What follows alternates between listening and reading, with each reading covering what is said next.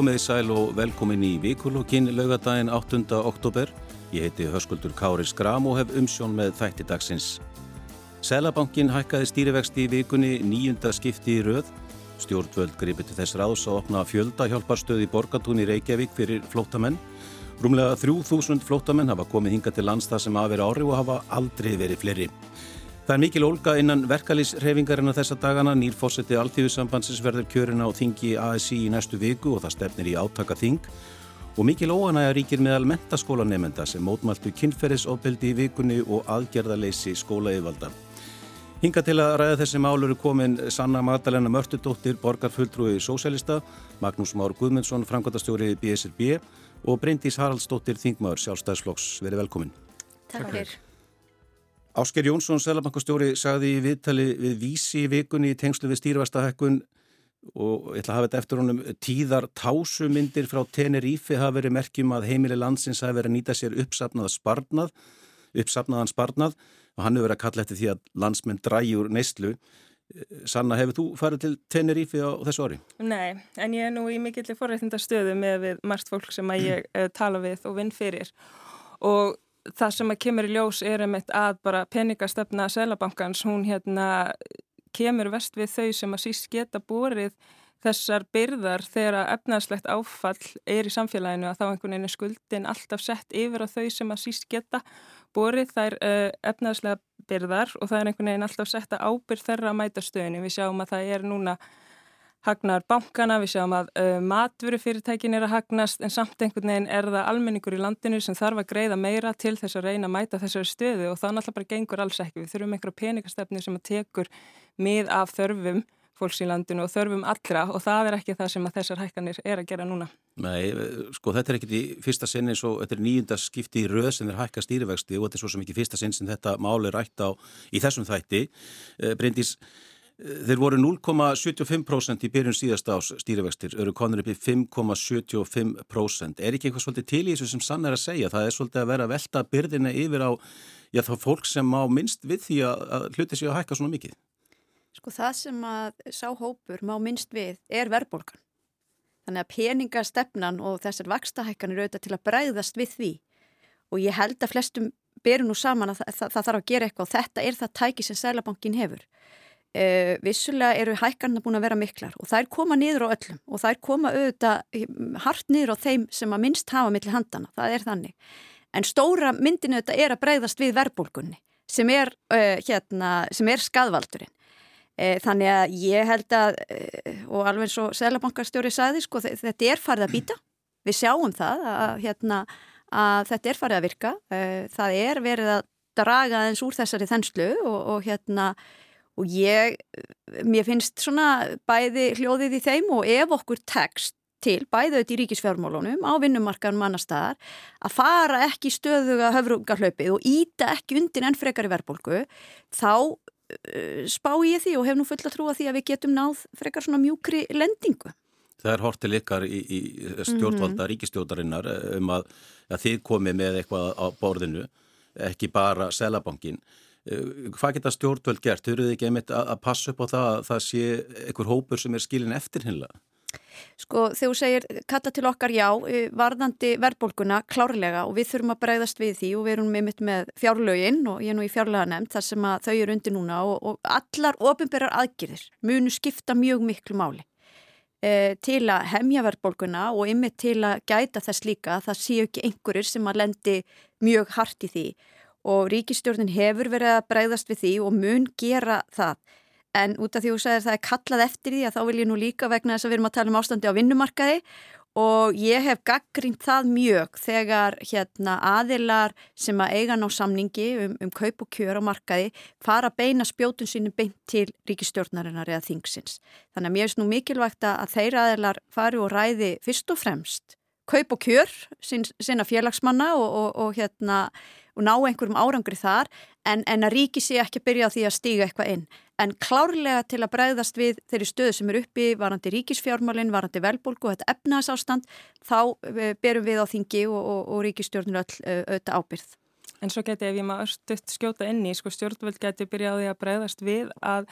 sinna því sem þau sögast alltaf að gera í lífskjara samningnum, það er að segja svona stuðning við leyendur og skoða réttindi leyend og það hefur ekki verið hérna staði við það sem stjórnvöld sögast alltaf að gera og þar þarf að skoða til dæmis þætti eins og leigu þak og leigu bremsa því að leiga hefur bara hækkað upp úr öllu valdi þannig það er eitt sem að alltaf aðkoma stjórnvölda felur í sér.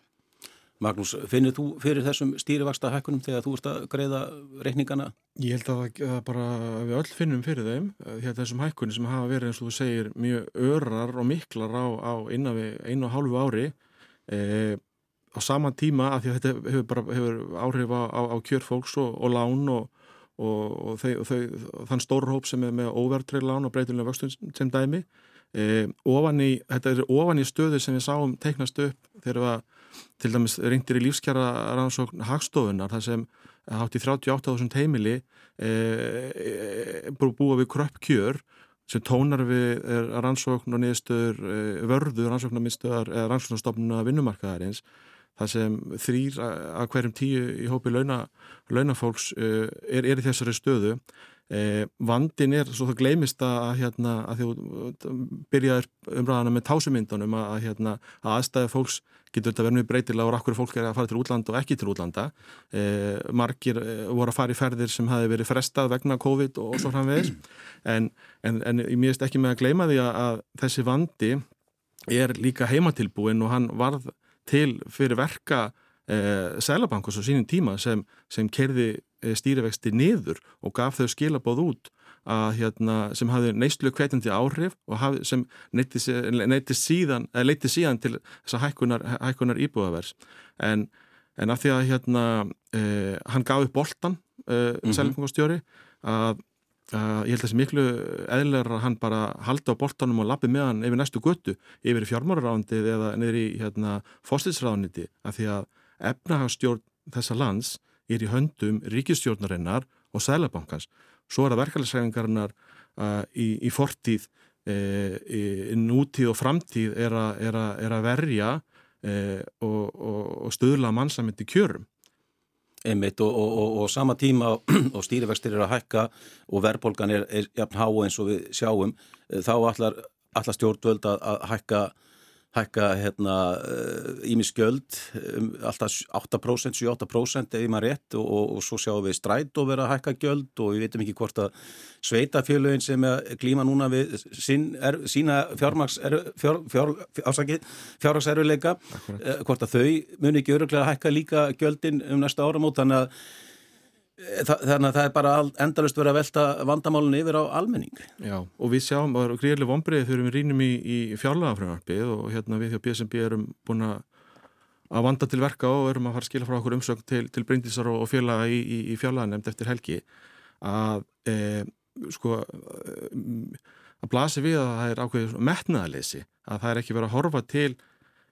ímins e, að þátt að því þar sannlega geta stjórnvöld hver sem þau eru á hvaða tíma sem er Eh, stegið inn í og stöðlað af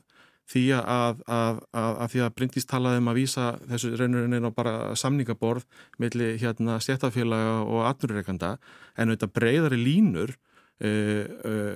og almennar aðgerðir stjórnvald að þurfa að koma fram og við sjáum það þegar við horfum á, á fjárframlög til eins ofnberra til hérna, heilbíðiskerfisins það sem er veru ef við erum að draga úr fjárframlögum per íbúa þegar við horfum á árin 2021-2023 Eh, þegar við horfum á, á húsnæðistuðning og inn í hérna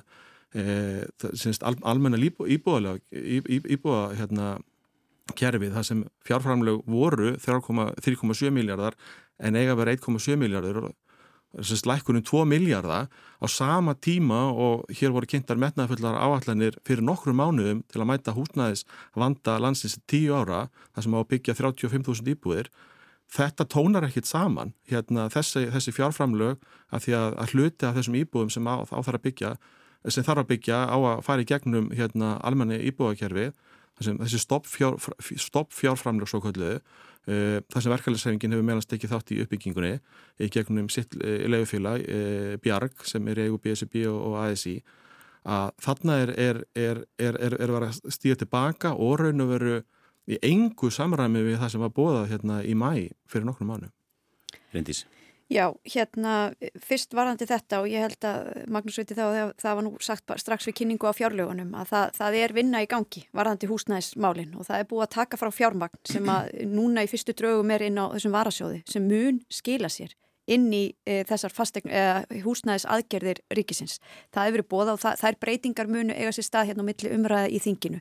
Þannig að það, það verður staði við þær leiðir og það, bara, það þarf að útfæra það hvernig á að gera þetta til þess að það geti byrst með réttum hættin í fjárlagafrömmarpinu. Aðeins líka varandi það sem að Sanna segir hérna aðan sko varandi leigu bremsur og leigu þak því þetta hefur verið tölverð til umræðu. Ég er sannfærð um það að slíkar aðgerðir kæmu vest niður á þeim sem að Sanna er að tala hér fyrir eh, og eh, það hefur sínt sig víða um heim þar sem að, þessum aðgjörum hefur verið beitt að til lengri tíma litið skila er ekki góðum árangri. Þannig að eh, til að geta verið með upplugt frambúð af húsnæði þar sem að allir hafa möguleika á því að uh, hafa þakk yfir höfu hvort sem þeir eru á leikumarkaði eða eignamarkaði þá snýst þetta auðvitað fyrst og fremst um frambúð. Einhverju leiti þarf við ofinbæra bregðast líka við með ofinbærum aðgerðum eins og verið er að vísa í hér varðandi húsnæðisáallanir ríkisins og það þarf að gera og það munum við gera. En að leiðir til að fara inn, í, inn á markaðin með einhver þökuða bremsur eins og sumir hafa kallað eftir eru ekki til þess fallnar að ná árangri. Akkur er segið þetta, það? Út af því við höfum bara, við, við getum séð, eh, manni hvort það var í Barcelona eða Madrid þar sem að þetta var reynd og þú, þú bara átt skýslutnar um það. Ég held að þetta sé líka að vera reynd ykkur starf í Skotlandi. Það er í vilt bara þannig ef að, enga aðili á fastegn og það er sett einhver, einhver þak á það hvað hann má fá út úr þeirri festegn þá hefur dreyjur viðhaldi e, heyru sveitafjörlaugin eða borginnar hafa bara farið í niður nýslu vegna þess að það hefur ekki farið nóg í viðhald og, og þess aftar. Þannig að þetta hefur yfirlt leitt þá að sér að hérna e, fastegninar bara er verra við haldið e, markaslögmæli þá virkar ekki því það er verið að grýpa inn í á markanum og stóra leiðinu þetta til að halda verði niður á marka er að frambóði sér nægt. Eftirspurning sé ekki mun meir en frambóði það er það sem hefur drifið verðið upp. Og nú höfum við þó loksins sko náð því að byggja hér upp e, svona leigu marka þannig að hér eru fyrirtæki sem hafa komið inn á markaðinu og eru að leia íbúðir. Uh, og það ætti að vera leið til þess að láta svolítið markast lögmálinn vinna á leikumarkaðin líka. En staðrindin er enga að síðu svo að flestir hér hafa kosið að vera á eignamarkaði. Og þar held ég sé líka mjög mikilvægt að ríki sé með góða stuðningsaðgeri til að aðstofa fólk við að komast inn á þann markað eins og við hefum verið að gera varandi fyrstu kaupendur, nota viðbota lífur í spartnað og, og, og þess aftur. Þær aðgerir eru mjög mikilvæg en hinar aðgerina sem kallar eftir og þetta er nákvæmlega það sem ég kannski var að reyna að koma orðum að hérna áðan að það að setja lög á það hvað þú mátt leia húsið þetta á getur ekki verið eitthvað samningsatriði á borði hérna aðila vinnumarkaðins og verkalýsins. Því það eru lög og það á að vera á borði þingsins. Þannig að það að einhverjur hafi haldið að uh, lögjafi myndi bara setja lög út af því að þarna aðlur út á marka hefur að kalla því finnst mér algjörlega óreinætt og það er þetta sem ég er að vísa í að þá fyrst og fremst að tala um kaup og kjör þeirra sem um er samið. Það er svo þeirra á lögjáðunum að, gera, að, að, að fjalla um, um slíkar aðgerðir og setja lög. Og það hefur ekki verið vilji til þess að fara í uh, þak eða bremsur á, á leikumarkaði einfallega vegna þess að við höfum ekki trú á því að það skilir þeim árangri sem að ég veit að fólki er að kalla eftir. Vilt þú bregðast þessu, Sanna? Leiðirnar sem hafa verið farnar í íslenskri húsnæðspolítík þar hafa engan veginn virka til þess að mæta þörfum allra sem að þurfa húsnæð að halda. Mm. Það sem við þurfum með þetta er uppbygging félagslegs húsnæðis að við lítum á húsnæði sem eitthvað félagslegt heimili sem við eigum öll rétt á en sem ekki að treysta markaðin sem er aldrei að fara að mæta þörfum þeirra sem er í þörf fyrir húsnæði. Þannig að aðgerðir um leigu þak og leigu bremsu eru settar fram til þess að leigjendum og þegar leigursamningar er settir fram uh, þar sem að það er allt í henni skindileg hækkun, fjölskyldur þurfa að flytja á milli körfa, börnin get ekki haldið áfram í skólanum, þetta er mjög mikið óryggi, þetta er mjög erfitt að vera á leigumarka, það er mjög hátt að greiða leiguverð, það er einhvern veginn bara svona engin réttindi utanum þína stöðu, þú þarf bara að bjarga þér og stjórnvöld og samfélagi heilt hafi rauninni mjög mikið treysta og svona sér eignastefni og leti svo á að það sé jú harka að koma sér inn á e, fastegnamarkað en á endanum að þá svona munið það kannski rættast hjá sem flestum og svo erum við með bara örf á eitthvað mjög lítinn hluta sem er skilgrendur fyrir það sem get ekki hérna, útveð sér húsnæði. En eins og við skoðum til dæmis bara félagsleitt leiguhúsnæði hjá Reykjavíkuborg það er mjög erfitt að komast inn á þann lista. Og ef þú ert síðan komin inn á þann lista þá þarfst að býja til lengtar eftir húsnæði að meðan að þú ert á þessum óreglu vetta leigumarkaði. Um, það þekkist í öðrum löndum í kringum okkur að við erum með reglur til þess að emmitt sitja stoppaða hversu mikið megi hagnast á leiðindum sem er til þeirra úrræða þegar stjórnveld er ekki tilbúin til þess að byggja upp öflugt félagslegt húsnæði þar sem við höfum öll aðgengja húsnæði. Eh, það er ekki eðlilegt að stór hlut á rástvennatekjum sé að fara í að greiða fyrir húsalegu eða húsnæðiskostnað og allt annað er látið sitja á hakanum og efnaminni fóreldra þurfum einhvern veginn bara svona að læra að þau með ekki gera sem að önnum börn með ekki gera, þau með ekki æfa íþróttir, þau með ekki borða alla dagamánaðarins, þannig að er, við þurfum að gera eitthvað í þessu ástandi sem er núna í samfélaginu. Ef að stjórnvöld er ekki tilbúin til þess að byggja upp og ebla félagslegt húsnæðiskerfi, óhagnadrifi húsnæðiskerfi, að þá þurfum við að fara þessa leið að við vendum leyendur með einhverjum hætti. Það er ekki að senda þau skilabóð frá sér um að þetta ástand sé byrja lægi og við megum ekki grípa inn í og við þurfum líka að skoða sko meta árangurinn út frá því hvort þetta skilir jákvæðum áhrifin fyrir leyendur, hvernig áhrifin þetta skilar inn í líf þeirra, varandi stöðuleika þeirra, en ekki endilega bara alltaf að treysta hann á marka sem að hann virkar augljóslega ekki, þannig við þurfum að hverfa frá þeim leiðum, byggja fyrir fólk og byggja yfir fólk og svona hugsa bara út frá veruleika fólks, ég menna þetta er, þetta er ekki hægt, ég menna fólk er að greiða hérna upp í 70% af rástöðunatekjum af leigu í leigu, þú veist, hvað er það mikið eftir til að fara til tannleiknis, til að fara í bíó til að njóta lífsins, til að njóta allra þeirra gæða sem samfélag hefur upp á að bjóða? Þetta er ekki hægt, við verðum að grípa inn í. Við erum að tala hérna um kaup og kjör líka og, og framöndan eru kjara viðraður kjarasamlingar losna núna um næstu mánaðamót og, og það loga eldar víða innan verkalis reyfingarinnar vaktir orða tekið, nýr fósetti alþjóðsambansins verður kjörinn á þingi sambansins í byrjun næstu viku Tveir hafa tilgættu frambóð, það Ragnar Þór Ingólfsson formaða Vaffer og Óluf Helga Adolfsdóttir, reytari eblingar. Mikil ólga einar sambansins og, og, og hvernig sem þetta fer alls saman, þá er ljóst að verður enginn sátt um næsta fórseta, svona miða við þar yfirlýsingar og orð sem hafa fallið á síðustu dögum. Eh, hvernig horfir þetta við þér, Magnús? Þetta er þetta fyrst og fremst ákvæmlega sorglegt og, hérna, og við erum ekki alltaf takað neitt enda. Eh, við óskum þetta bara félugum okkar í ASI hérna góðs þings í næstu viku. Þetta er, þetta, er, þetta er stór viðburð þegar heildarsamtök halda svona þing eh, sem standa í, í nokkra daga og það er verið að ræða með stefnu og skipula og annað, það er margt mjög undir og eðlegt að hérna með það sem undan er gengið að fókusun er á, á fósutakjöru og fólki en, en það er miklu meira undir eh, hérna á svona þingi eh, og, og það er mikilvægt að hafa í huga að að það hefur verið styrkur verkefælisæringarinnar í, í ára tugi er samstaða þó að, að menn og konur hafi deilt um, um, um, um hvort annað og, og málefn og svo hrafiðis en, en e, íslensk verkefælisæring er, er eins og sterkasta í heiminum og það er mikil þáttaka og, hérna, og þannig, að, þannig að þetta er fyrst og fremst bara já, sorglegt og, og vonandi að við sjáum öll fyrir endan, endan á þessum átökum milli einstaklinga e, og sem kristallast eh, verist vera í, í kringum mikið til, já, þetta er valdabarta en, en, en það, það vegum öll mikið undir því að, hérna, að það lægi öldur. Uh, við hjá BSB eigum í, í góðu samtali og samstarfi við, við ASI á, að, hérna, að, í, á mörgum stigum eða semst, já, hérna E, bæði þegar við erum samræmum okkur í samtali við, við stjórnvöld en, en það er ímis, verkefni sem við vinnum sameigilað og eins líka með öðrum heldarsamtökum e, e, starfsfólk okkar, sérfræðingar í ýmsum hérna, málefnahópum og öðru veist, það, það, það, það þetta hefur auðvitað, hefur auðvitað áhrif en, en, en það er vonandi að, að, að nú fari öldur að læja vonandi að öldur fara að læja sanna hvernig meitur þú þessa stöðu? Þetta er svolítið persónlegt. Þetta er ekki svona málefnalegur ágreiningur nema að hluta til að þetta snýst óða mikið líka um persón og leikandur mm. Sko það er einmitt það sem við sjáum í fjölmiðlum, uh, margar slíka greinar og það sem ég myndi vilja sjá núna að hérna, fókusin eru settur á sko í rauninni einmitt veruleika þeirra sem eru í þessum verkalýsfjölugum og stjættafjölugum, hvernig er lífið þeirra, hvernig samfélagi ætlum að byggja upp. Það væri bara mjög ánægilegt ef að uh, fjölmiðlar myndi fjalla jáfn mikið um það, að við myndum heyra bara, mm. herðu, hvernig er líf Akkurat. þeirra sem eru í, þessum verkalýsfjölugum, hvað er það sem eru að berjast fyrir? Er það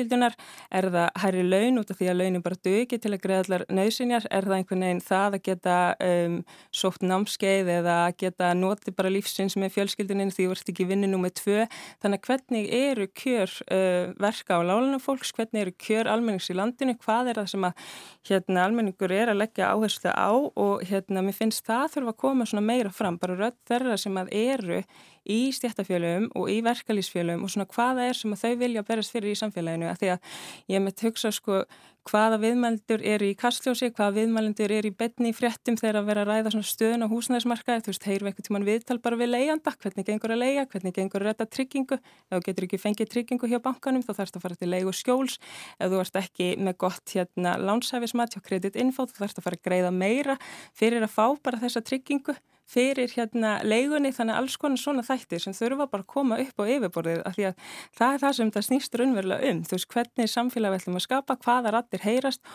og svona á hvaða forsendum þau eru setta fram Bryndis, erst þú búin að fylgjast með þessari umræðu um baráttuna innan ASI? Svona bara úr fjarlæð sko í fjölmilum. Mér langaði bara aðeins að breyða sig svona var að fara hérna áðanvarandi húsnæðismálinn sko það er aldrei ásættanlegt að fólk eði sko 70% rástöðunatíkjunu sínum í, í húsalegu. Það er, er það ekki og það er ymitt þess vegna sem að ríki er að koma með, inn með sína rópenbyrju aðgerðir e, fyrir utan það að við erum með upplugt stuðnisnett hérna í þessu velferðarkerfi okkar. En sko, mamma mín hefur stundu sagt um mig, sko, hvað ert að gera í pólitík, svo, þessi pólitík er svo ljót, það er oft ímynd fólk sem horfi kannski bara á einhverja svona bandaríska þætti um hérna pólitíska nýfstungur einhvern veginn í baki, sko. Já, ég segi það bara rosalega fínt að vera í stjórnmálum í Íslandi en ég myndi ekki vilja vera í þessari pólitík sem þarna í, sko. Er, þar virðist vera einhverja svona óbóðslega persónlegar árásir, eh, hægri vinstri, þarna millið aðila, þannig að Já, ég, ég, ég óskæðum líka góð skengis á þessu þingi sínu en, en þetta er ekki, ekki fallið mynd sem að hérna, þarna er dreyin upp af þessum, þessum átökum. Og mér langar kannski svona aðeins þessu tengti bara, ég var að sjá mynd um daginn af sko öllum stjættafélögum á landinu. Ég man ekki eins og hvað eru mörg, vitið þið það kannski? Þau eru mörg. Þau eru rosalega mörg fyrir lítið land og allir þeir kjærasamningar sem þann eru undir og ég heyrði nú sko söguna því að það er meiri sig að sko kjærasamninga fyrir tvo starfsmenn sem að vinna einhvern veginn hjá veitum á selfossi og einhvern tíma þurfti að fara bílalest þanga til að bjarga því að það væri ekki bara skrúa fyrir á veitum á selfossi út af tveir, tveir starfsmenn voru með kjærasamning undir. Þannig ég held að það má kannski líka eins fara að velta því fyrir sér hvort að það þurfi ekki að fara að huga einhverju saminningum hérna verkalýsfélag, ímyndið ykkur allan þann kostnað sem liggur hjá öllum þessum félögum Uh, og þetta eru þetta, uh, þannig verið að taka fólk, hérna, af launum fólks, fólk greiðir inn í þessi félög. Uh, þannig að ég held að, að verkefliðsrengi mætti anskfæski fara að skoða það hvort að ekki þurfa að fækka þessum félögum hver er rekstra kostnæðurinn á bakvið þetta og talandum það að hér eru samningar lausir sko, Vist, við erum náttúrulega bara einhvern veginn út og kú með að við nágrannarlöndin okkar þegar kemur þessum kjara sem smótilum og hvernig við vinnum þetta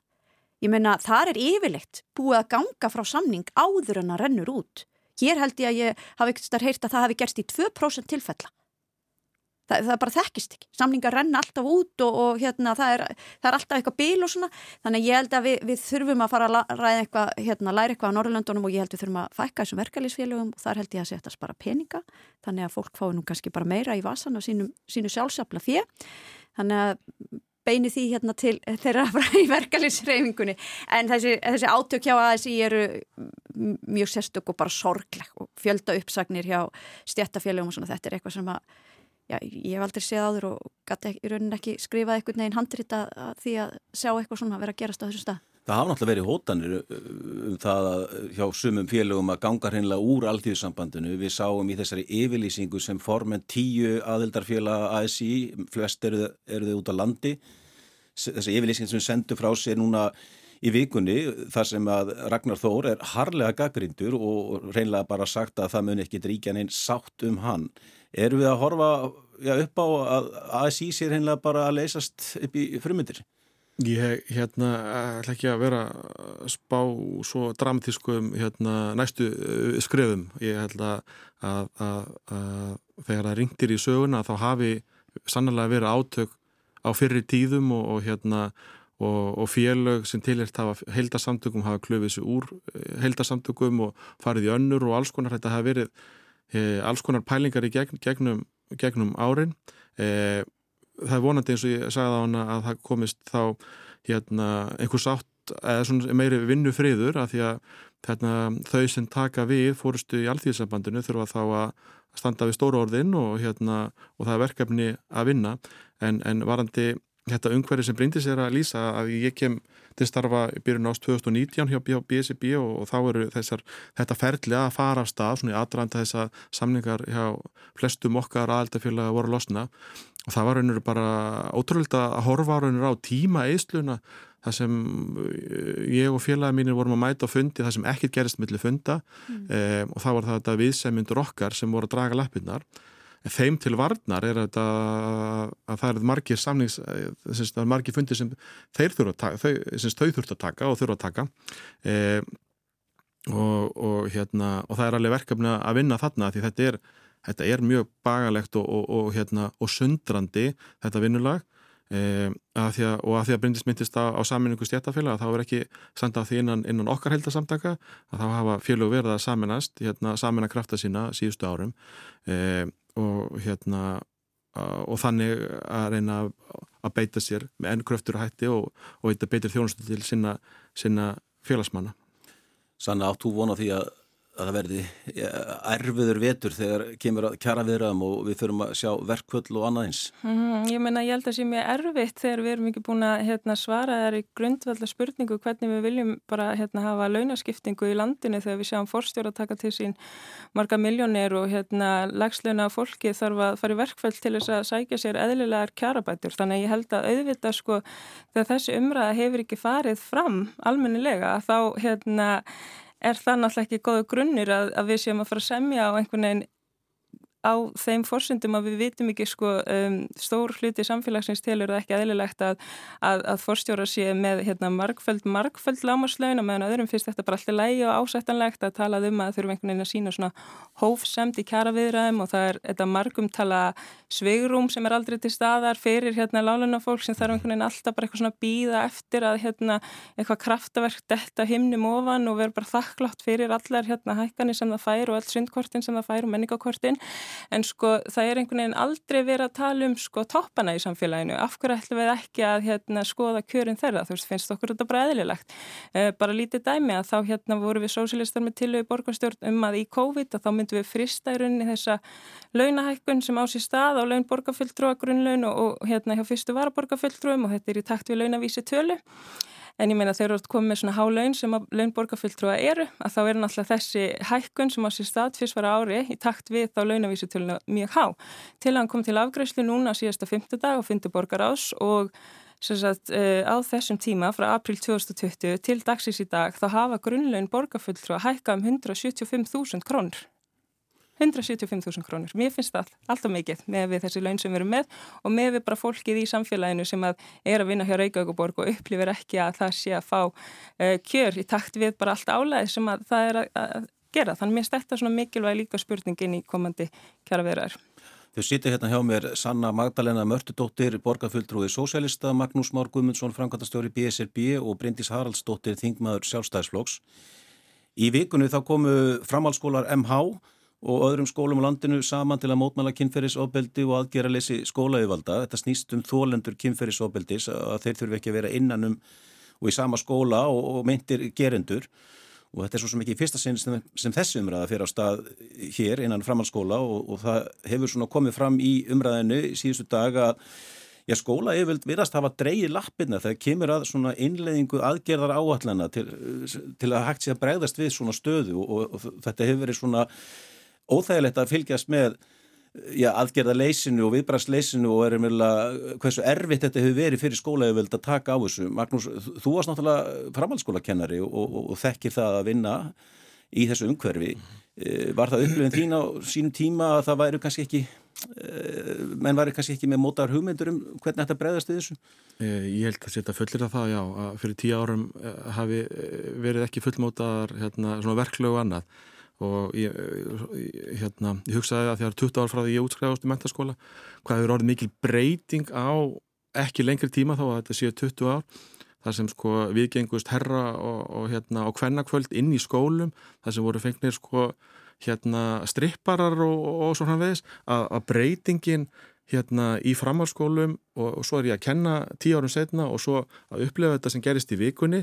e, sem er þetta angi af hérna þeirri viðhors bara þessi samfélagsbyltingu sem við hefum upplefað síðustu árum, mítúbyltingunni að ég var bara meir klökkur þegar ég hlusta á fréttir ykkar hérna það sem e, var verið að segja fréttir frá þessum fundi, útifundi við MH og síðan var skiptið verið á Akureyri þar sem voru 500 nefnendur og svo í næsta var skiptið úr Ísafjörð að hérna ég, ég bara fyllist bara svona já bjart sín og gleði með þennan hóp og þessa kynnslóð og, og hérna og, og gladdi með að sjá einu af tillögunum er að, hérna, að gera kynjafræða skildu í öllum framhalskólum. Ég tók þátt í því þegar ég var að kenja MK að, hérna, að byrja með slíkan áfanga og, og að því að nöðsinin er Eh, nöðsynlegt að fjallum þessu mál og raun og er ekki bara inn í framhalskólum heldur að fara uh, enn neða, neðar inn að fjallum þessi mál hvernig við komum uh, við hver, komum fram með hvert annað. En ég var fyrst og fremst bara já, meir og gladur að sjá hvert við erum komin í dag og, og, og, og algjörlega já, frábært að sjá þennan uh, þetta unga fólk taka, taka þetta skref. Já, Bryndi, segðu þú já, hvernig metur þú stöðuna, fæstir ekki skrítið að skólanir hafi ekki verið með einhvers konar áallun til að bregðast við þessari stöðu? Jú, mér stáður opáslega sorglegt að, að finna það út að, að svo sé ekki. Miða við mitt alla þá umræði sem hefur átt sér stað á síðustu misserum, uh, eh, alla þær byltingar og aðgerðar áallanir sem að búið er að vinna á vinnustöðum og annað, þá finnst mér opáslega uh, eh, furðulegt, bara svo ég segi það, að, að skólanir hafi ekki innleitt einhverja sambarilegar áallanir og sé ekki, skólastjórnum sé ekki með einhver tæki og tól í höndunum. En ég ætla að taka undir það að maður verður svona, sko, uh, já, maður, maður bara fyllist aðdán á þessari kynnslóð sem að hérna segir bara hingað og ekki lengra því þetta er auðvitað búið að viðgangast allt og allt og lengi og ég er kannski svona miðaldri að þeirri kynslu að svona hlutum var oft bara svona ítti hliðar og þú veist, fólk reynda að koma sér út úr aðstæðum og svo þurfti fólk bara svona svolítið að harka af sér og bara ég dáist að þessari kynslu sem að stendur upp og segir, heyru, hingað og ekki lengra og við þurfum að hlusta. Og ég hefði auðvitað vilja að við höfum verið búin að því og það hefur verið til áallanir hann inni. En, en það er bara ekki setna vatna, nú þurfa greinilega skólastjórnendur og auðvitað eiga bara öll fyrirtæki og alla stopnanir að vera með einhver tæki og tól til að geta tekið á því þegar svona ræðilegir atbyrður eiga sérsta. Sanna, já, eins og hún bendir á þetta er, Bryndis bendir á þetta er, búið, þetta er vitundarvakning, við erum að sjá já, heila kynslu með allt öðruvissi sín á þessa hluti heldur en kannski var og gerðist hérna hjá okkur hérna sem eldri erum Já, hvernig er, ertu, ertu svona meir líka eins og þau lýs þessu? Já, ég viðkenni þegar ég horfði á, á hérna, myndbendin frá mótmálunum að þá hérna, já, fekk svona reik kottni í augun. Þetta var bara magnað að sjá þetta mm. og hérna mikill kraftur og skilabúðin emmitt bara við ætlum ekki að láta svona viðgangast uh, það á að hlusta þólendur, þá að trúa þólendum og þá treysta þólendum og þólendur eiga að geta mætt í skólan inn í örugt umhverfi og þetta er aldrei bara svona það sem við sjáum í samfélaginu að samfélagið okkar er ekki þólanda vænt, það er bara þannig. Og þetta byrstist að þá líka í framhals- og mentaskólum og mér fannst líka bara mjög gott það sem að kom fram í kröfum þeirra sem að voru þarna nefndinir að segja sko um, í rauninni emitt að afsökunarbeinin frá uh, badna og metamálar á þeirra hafi verið, verið seint svona gripið til þess. Að því það sem við sjáum að það er einhvern veginn brugðist við þegar að það er mikið ákall eftir hlutunum. En ég meina kynferðisett ofbeldi, kynferðisofbeldi, áreitni hefur því miður verið til staðar í samfélagin okkar mjög langan tíma og, og það er, um, það er emitt uh, stjórnvöld og skólar sem þurfa að vera með eitthvað svona plan tilbúið til að taka á móti þeim sem að óska eftir stuðningi að það sé ekki all ábyrðin sett á herðar þeirra. Og eins og kom fram einu viðtal sem var mjög gott að vera bendið mitt á og ég einhvern veginn hafði ekki hugsað út í þetta að stór hluti þeirra sem er í mentaskólum og framhaldsskólum eru bönn Þannig að þú veist við þurfum að vera með þetta uh, tilbúið að skólanir sé einhvern veginn kannski að vakna núna finnst mér rosalega slæmt og ég man að var frétt þess að ágúst um, á þessu ári frá FSU, fjölbrytarskóla mm. Suðurlands, þar sem að það var verið að tala um og skólinn síðan beðist afsökunar ef ég skil rétt og þar sem að það var verið að tala um að skólamestari hafi runni sendt bref til nefnda og sagt eitthvað svona ekki verið að tala um þetta á samfélagsmiðlum og hérna e, það væri sagt, litið þannig á að gerandi væri saklaust þánga til sagt væri sönnuð. En ég meina ef við sem samfélag ætlum einhvern veginn að segja við trúum þólendum þá þurfum að trúa ekki bara að blaði með orðum heldur í hérna viðbröðum þannig að þólendur upplifa að það geti sagt frá og fái stuðning sem þau þurfa. Og mér finnst líka bara mjög gott eins og mótmælendur voru að segja eða, framhalskólaneymyndur voru með að benda á hvað bara réttakerfið er ekki þólendavænt og ef þú ferð allar þessar svona réttu leiðir í gæsalöpum að þá samt nær réttleiti ekki fram að ganga. Þannig við eigum bara helling eftir í þessum málum Það sem gerir þetta líka flókið og erfitt kannski fyrir skóla yfirvöld að í, í mörgum tilvikum eru þólendur og gerendur undir lögræðisaldi. Mm -hmm. Þetta eru börn mm -hmm. og, og, og kannski miklu erfiðar að taka á þessu máli út af því, eða hvað? Er það þess vegna, er það getið það verið mögulega skýringin á því já, mennur ekki búin að móta áallennar og bregðast við þessu miklu miklu fyrr? Ég finnst að ætti ekki geta verið skýring yfir því að, að, að, að það sé ekki til einhver áallanir og svona einhver tæki og tól fyrir skólastjórnendur. En, en það er vissulega réttjáður og það gerir þetta svolítið, sko, það gerir þetta ennþá flóknara, það er alveg rétt. Og líka eins og Magnús kemur inn á hérna varðandi sko jafnbrettis kennslu og við erum auðvitað bara að sjá það að þú veist að, að eitt eru auðvitað sko kynferðist afbrót og, og ég meina sem er bara ólögleg og, og þú veist aldrei afsakanleg með neinum hætti og við eigum að vera með ferli til að breðast við því en, en við vitum alveg hvernig dómskerfi okkar er að þú þarfst að sanna sekt og þetta er alveg flókið. En hitt eru líka bara samskipti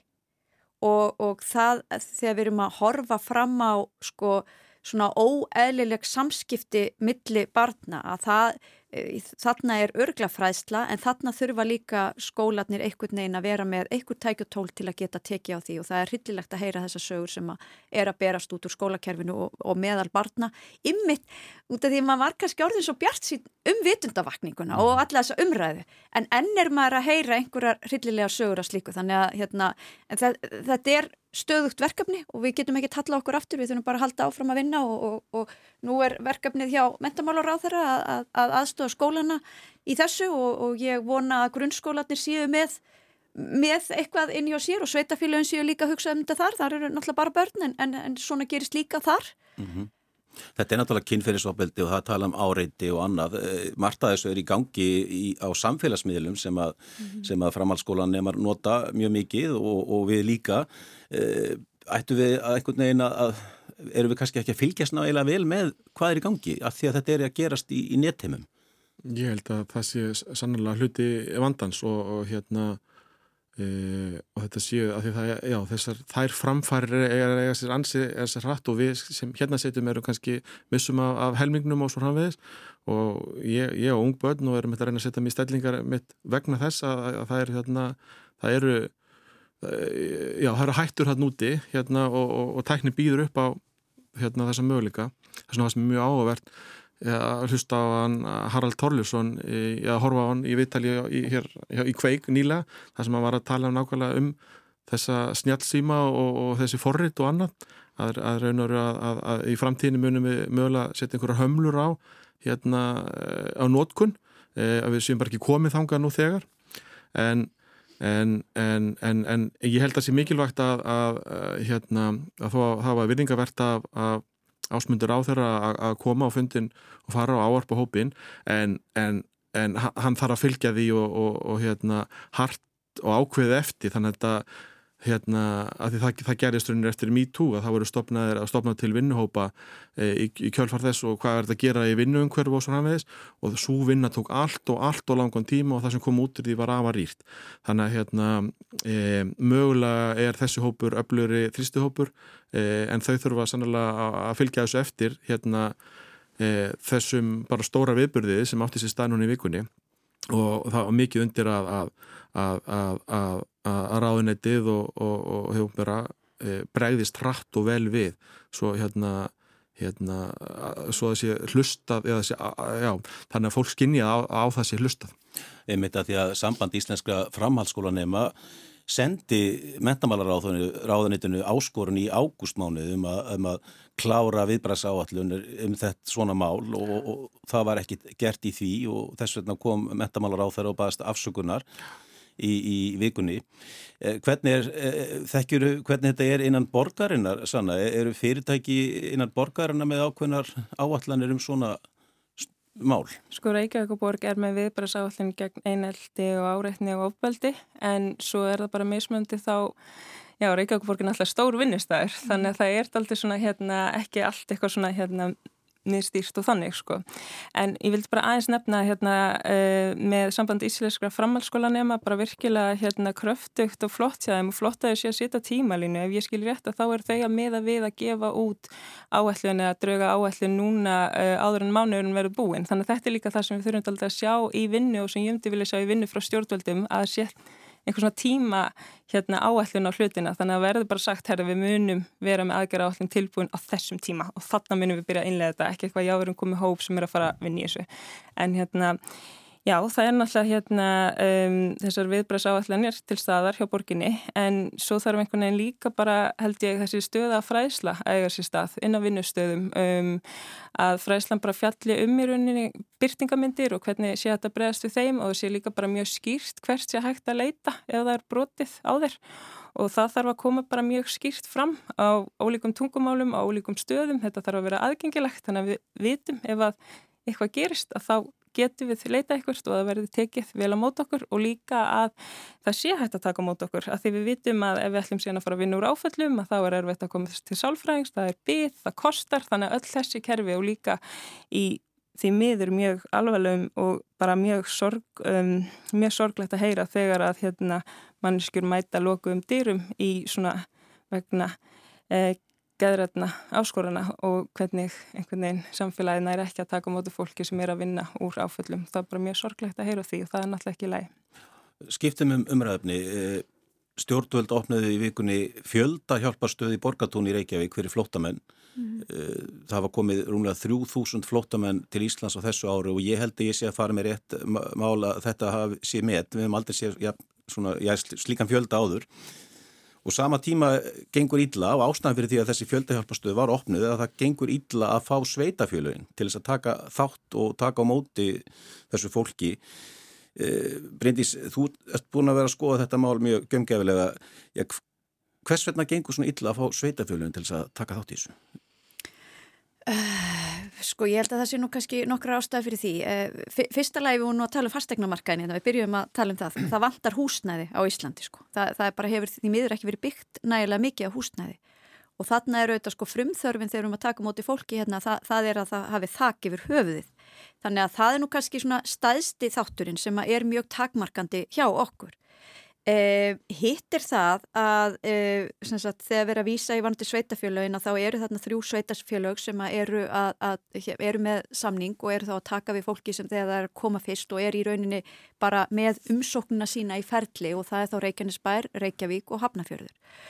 Þessi sveitafjölög hafa verið að gera þetta bara vel og ég er ekkit endilega vissum að það þurfa að vera sko mörg sveitafjölög sem að, og, og jafnvel ætti þetta bara að vera eitt staður sko eins og er e, til dæmis í nákvæmna hérna löndunum okkar, það er að segja sem fólki kemur á fyrst þegar það er að koma og aðfenda umsóknina sína um alþjóðlega vernd. Ég er, ég er ekki samfærið með um að það sé endilega gott að dreifa því fólki út um allt, ég held að það sé betra að við getum hlúið, hlúað vel að því e, á afmörkum stöðum. En svo þegar e, málinn þeirra eru komin í meðferð að þá held ég að sé mjög mikilvægt að, að sveitafjölögin komi að og, og hérna e, og að e, sagt, þá búi þetta fólk víðar um landið, ekki bara í ákveðinu sveitafjölögum. Til þess að vel megi verða hvað það varðar að þá þurfa sveitafjölögin fyrir, það er alveg þannig. Uh, og við getum ekkert litið fram hjá því og það er uh, samningsströg eða samningur á borðinu og ég verð nú að viðkjanna, ég hef ekki skoða hann nægilega mikið en í kjörtamavíku hef ég búin að eiga samtöl núna við e, sveitarstjórna fólk í mínu kjördæmi hérna á höfuborgarsvæðinu og það er bara óbúslega mikil hræðsla að taka þátt í þessu, þau er bara hræðsla við að þetta dekki ekki hennan kostnað. En það eru auðvitað sagt alltaf nummer 1, 2 og 3 snýstitt um húsnæði Þa, það er stóri, stóri þátturinn. En það sem ég ætla að segja, sko, fjöldahjálparstöðin er auðvitað eitthvað neyðarúræði en ég held að við þurfum núna að fara bara að horfa á breytt fyrirkomlag þegar við erum að taka á móti svona fjölda og að vera með sagt, svona, e, fyrsta úrræði sem er líka búsettu kostur e, og það, e, það bæði eru normenn og hérna danir með þetta þannig að þá býr fólk í ákveðnum aðstæðum, það hefur aðganga leikskóla og grunnskóla, félagsþjónustu, sálfræðiþjónustu og læknistjónustu og svona. Meina, við höfum auðvitað verið að byggja í kringum dómusmetika svona þar sem að fólk kemur en það er ekki búsettu úrræði líka.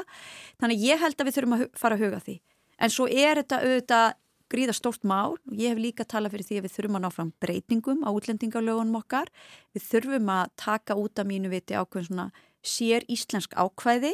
e, til þess að létta eins á kerfinu þannig að við séum öruglega hér fyrst og fremst með fólk sem hefur ekki fengið vernd annar staðar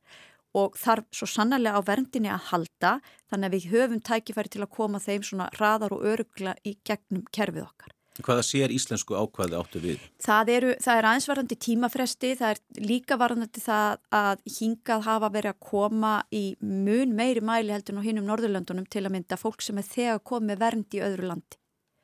Og hérna við verðum að muna það að vernda kerfið okkar er alveg óbúslega mikilvægt og þetta er náttúrulega bara alþjóðlegt samkómulega landa um að koma til móðs fólk sem er í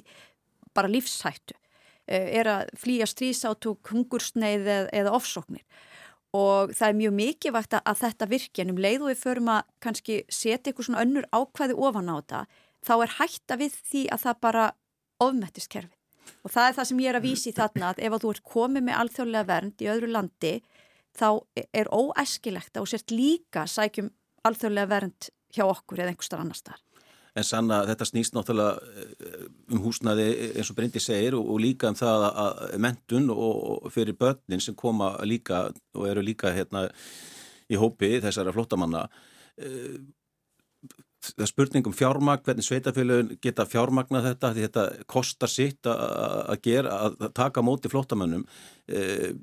finnst þér, eða hvernig veitur þú að þetta eru fjögur, held ég núna sveitafélag sem eru, að fimm sem eru að taka við þessu fólki Myndið þú vilja vantarlega sjá fleiri sveitafélög eða ekki taka þátt í þessu? Jú, fleiri sveitafélög og, og hérna, fleira fólk og það sem þarf að gerast er náttúrulega, það er húsnæðiskortur og við þurfum fleiri heimili fyrir fólk og fyrir okkur öll og af hverju er húsnæðiskortur? Af því að húsnæðisuppbygging, hún hefur drefin áfram á þeim sem að vilja græðast á húsnæðisuppbyggingu. Þannig við erum ekki með hérna, húsnæði á viðræðanlega verði, þannig er það nú bara. Um, þannig að það sem að þarf að gerast er að við séum húsnæði á, eins og ég sagði áðan fyrr í þessum þætti á félagslegum fórsendum þar sem að svona, þau sem að vilja hagnast á húsnæðis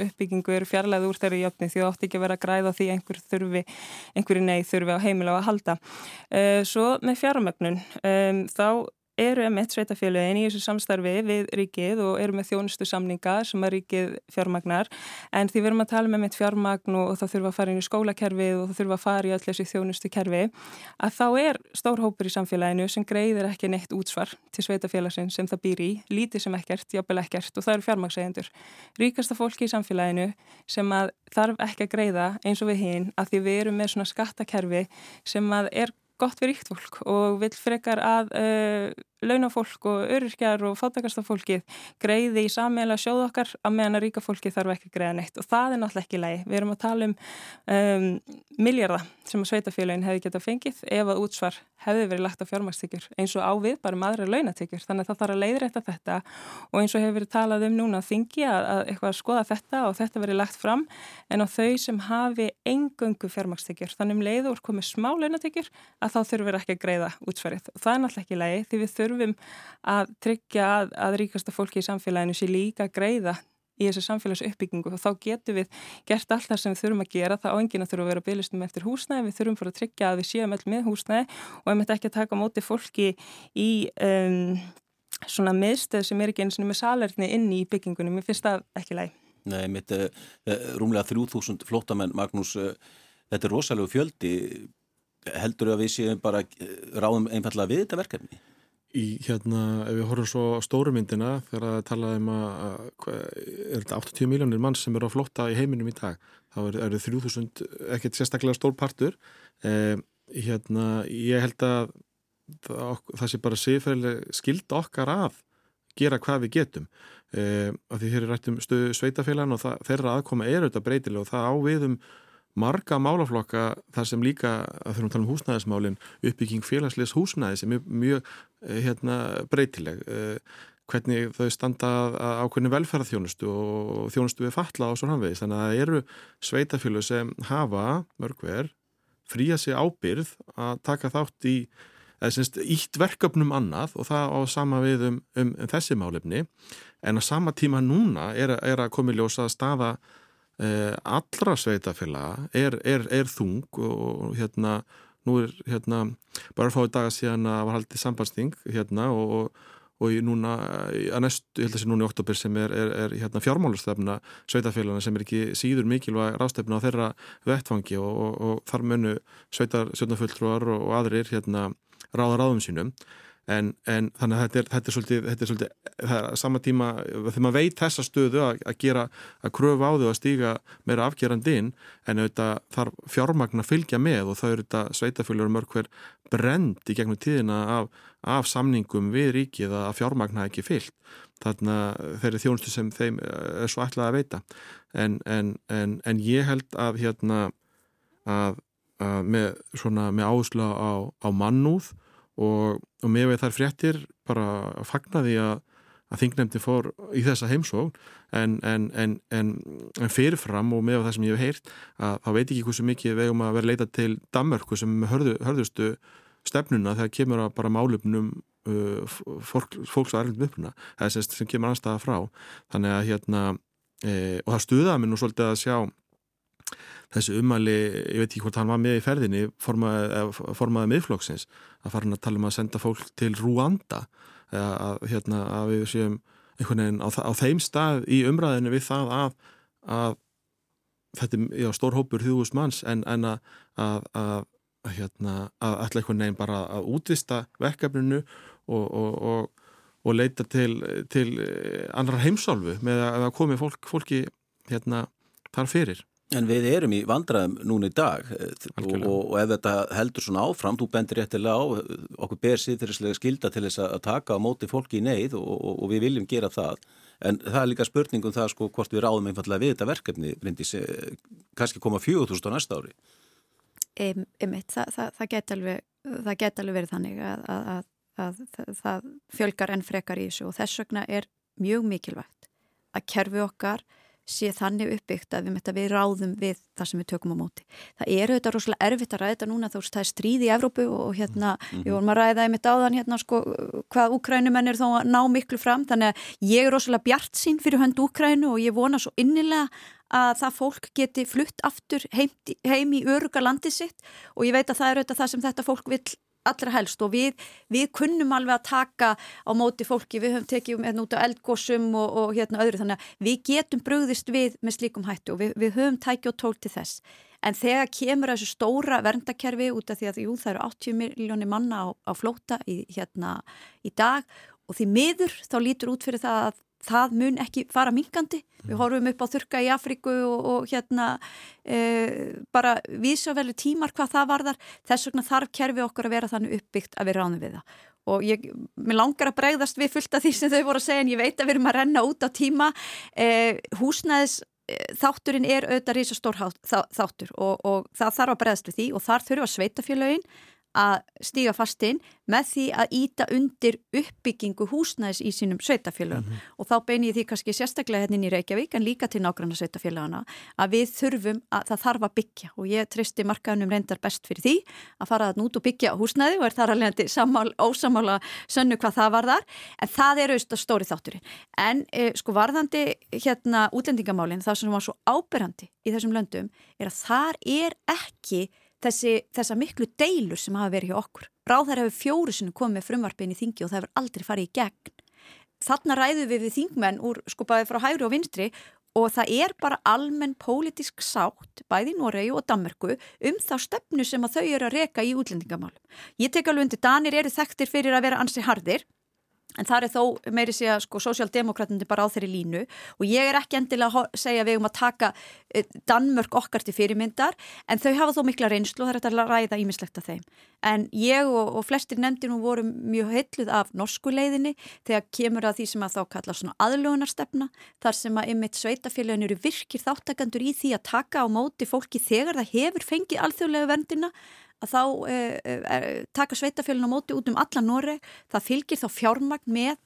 og sveitafélagi hefur raunverulegan haga því að leggja sér alla fram við að kenna fólki norsku, kenna þeim á norskt samfélag og hjálpa því bara við að vera þáttakandur í, í samfélagin. Einmitt, við komumst í miður ekki lengra með þessa umræðu. Uh, svona rétt í lokin, Magnús, það er nú leiðileg veðurspá en ætlar að gera eitthvað um svona sérstatt í dag og um helgina? Ég ætlum að njóta þess að vera ekki með amalisveslur og parti heima, þess að það hafa verið, senstu helgar hafa verið þannig, hérna, en, en það er bara fjölskyldahelgi, við erum að fara á